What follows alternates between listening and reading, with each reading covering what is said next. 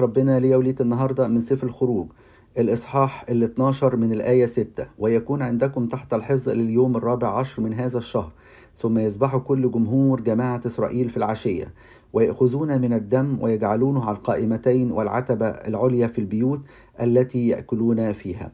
هنا بيقول لهم توقيت أكل خروف الفصح وهنا يأكلوه في العشية يعني في الظلمة. والمسيح لما جه أتى في عصر مظلم جدا لدرجة أن ممكن نعد الأشخاص الأبرار اللي كانوا موجودين في هذا العصر زي أمنا العذراء زي القديس يوسف البار زي زكريا وأليصابات زي سمعان الشيخ. وكمان ما بين العشائين يعني بين ظلمة وظلمة. ظلمة الماضي اللي الواحد سلك فيه وظلمة المستقبل اللي إحنا مش عارفينه هيحصل فيه إيه. عشان كده أحد الناس قال إذا نظرت إلى الماضي فوجدته مؤلم ونظرت إلى المستقبل فوجدته مظلم يكفيك أن تنظر إلى المصلوب. فتجد راحة وسعادة.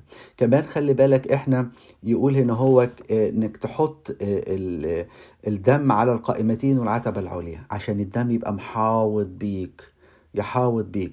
وخلي بالك ما حطوش على الأرض لأن خلي بالك اوعى تدوس دم المسيح. ودي حاجة مهمة جدا جدا جدا. عشان كده ما بيتحطش على الأرض. اوعى تدوس دم المسيح وترفض عمله في حياتك. عشان كده ربنا النهارده بيقول لي بيقول لك بقى تعالى تحوط بدم المسيح. ويقول لهم خليكوا جوه ما تخرجوش بره. اوعى تسيب الكنيسة. خليك جوه الكنيسة. طول ما انت محمي جوه البيت اللي هو الكنيسة محمي بدم المسيح.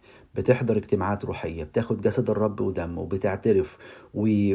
وعايش في جو روحي اوعى تقلق مش هيحصل لك أي حاجة. الملاك المهلك مش هيقدر عليك. عشان كده من فضلك اوعى تسيب بيت ربنا. خليك محمي جوه دم المسيح. آمين.